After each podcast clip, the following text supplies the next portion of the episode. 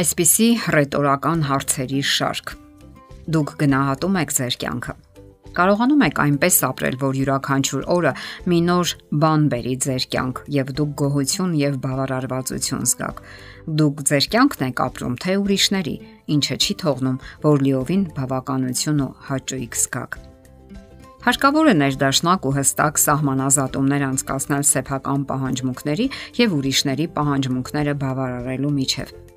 Երբ հավասարակշռությունը խախտվում է, մարդը կարող է ոչ միայն ներքին անբավարարություն եւ լարվածություն ապրել, այլ ընդհանրապես կորցնել երջանկության զգացումը։ Դուք երիտասարդ եք եւ ձեր ողջ կյանքը ձեր արժևում է ապագան գալիքը, պայծառ ու հույսերով լի, եւ հարկավոր է այնպես ապրել, որ այն երբեք չդադարի այդպիսին լինելուց։ Իսկ դա կարող եք անել միայն դուք ձեր խելամիտ եւ մտածված քայլերով։ Ձեզ անկասկած ծանոթ են Աստվածաշնչյան հետեւյալ տողերը. Սիրիր քո մերձավորին այնպես, ինչպես ինքդ քեզ։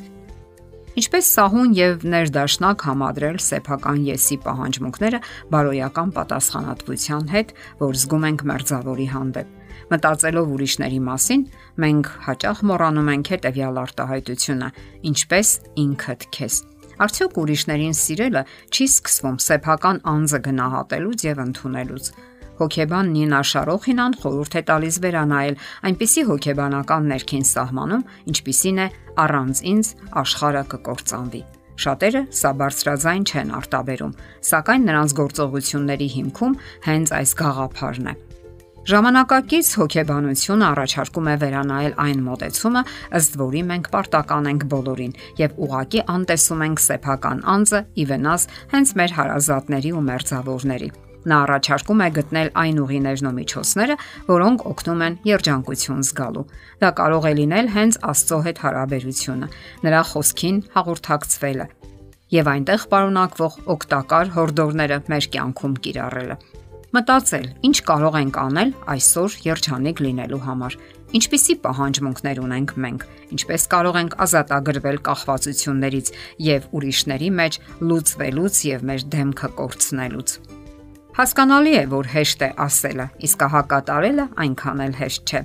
Հոկեբան Օլգա Բարիսովան խորհուրդ է տալիս սկսել աստիճանաբար առաջին քայլերից, ազատելով ժամանակը եւ տրամադրելով այն հենց ձեզ։ Նա գրում է. դա միայն ձեր ժամանակն է եւ այն նախատեսված է բացառապես սիրելի զբաղմունքների առաջ բերած դրական հույզերի համար։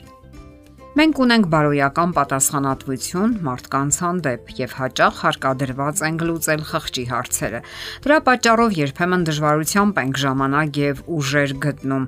ոչ քիչ դեպքերում նաեւ դրամներ մեզ համար, որովհետեւ մեր խիղճը անընդհատ տանջում է մեզ։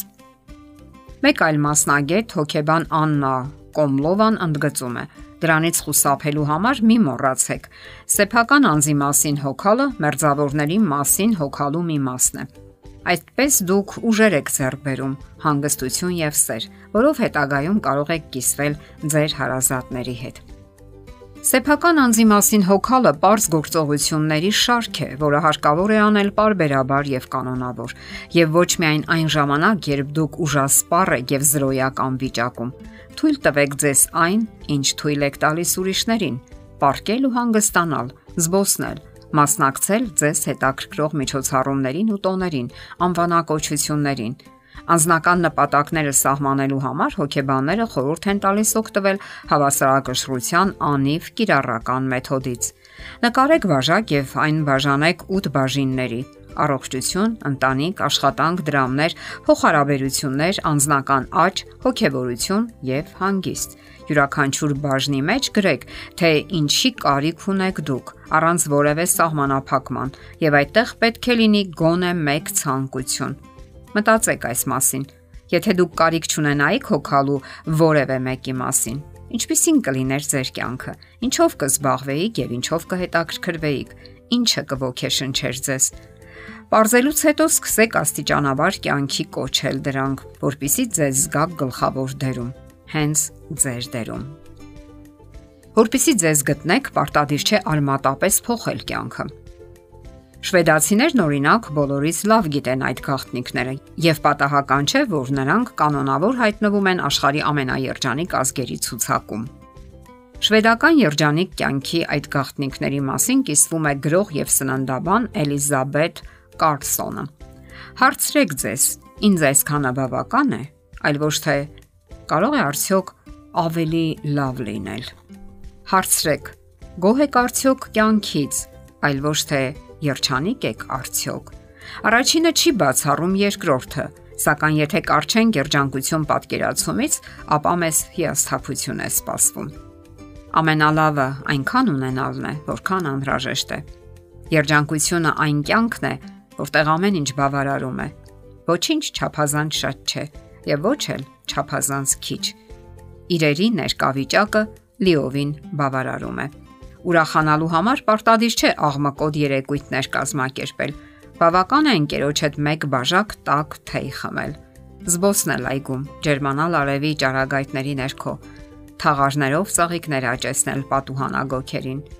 Կյանքի ուրախությունը զգալու համար բավական է ամենահասարակ ու པարս բաները։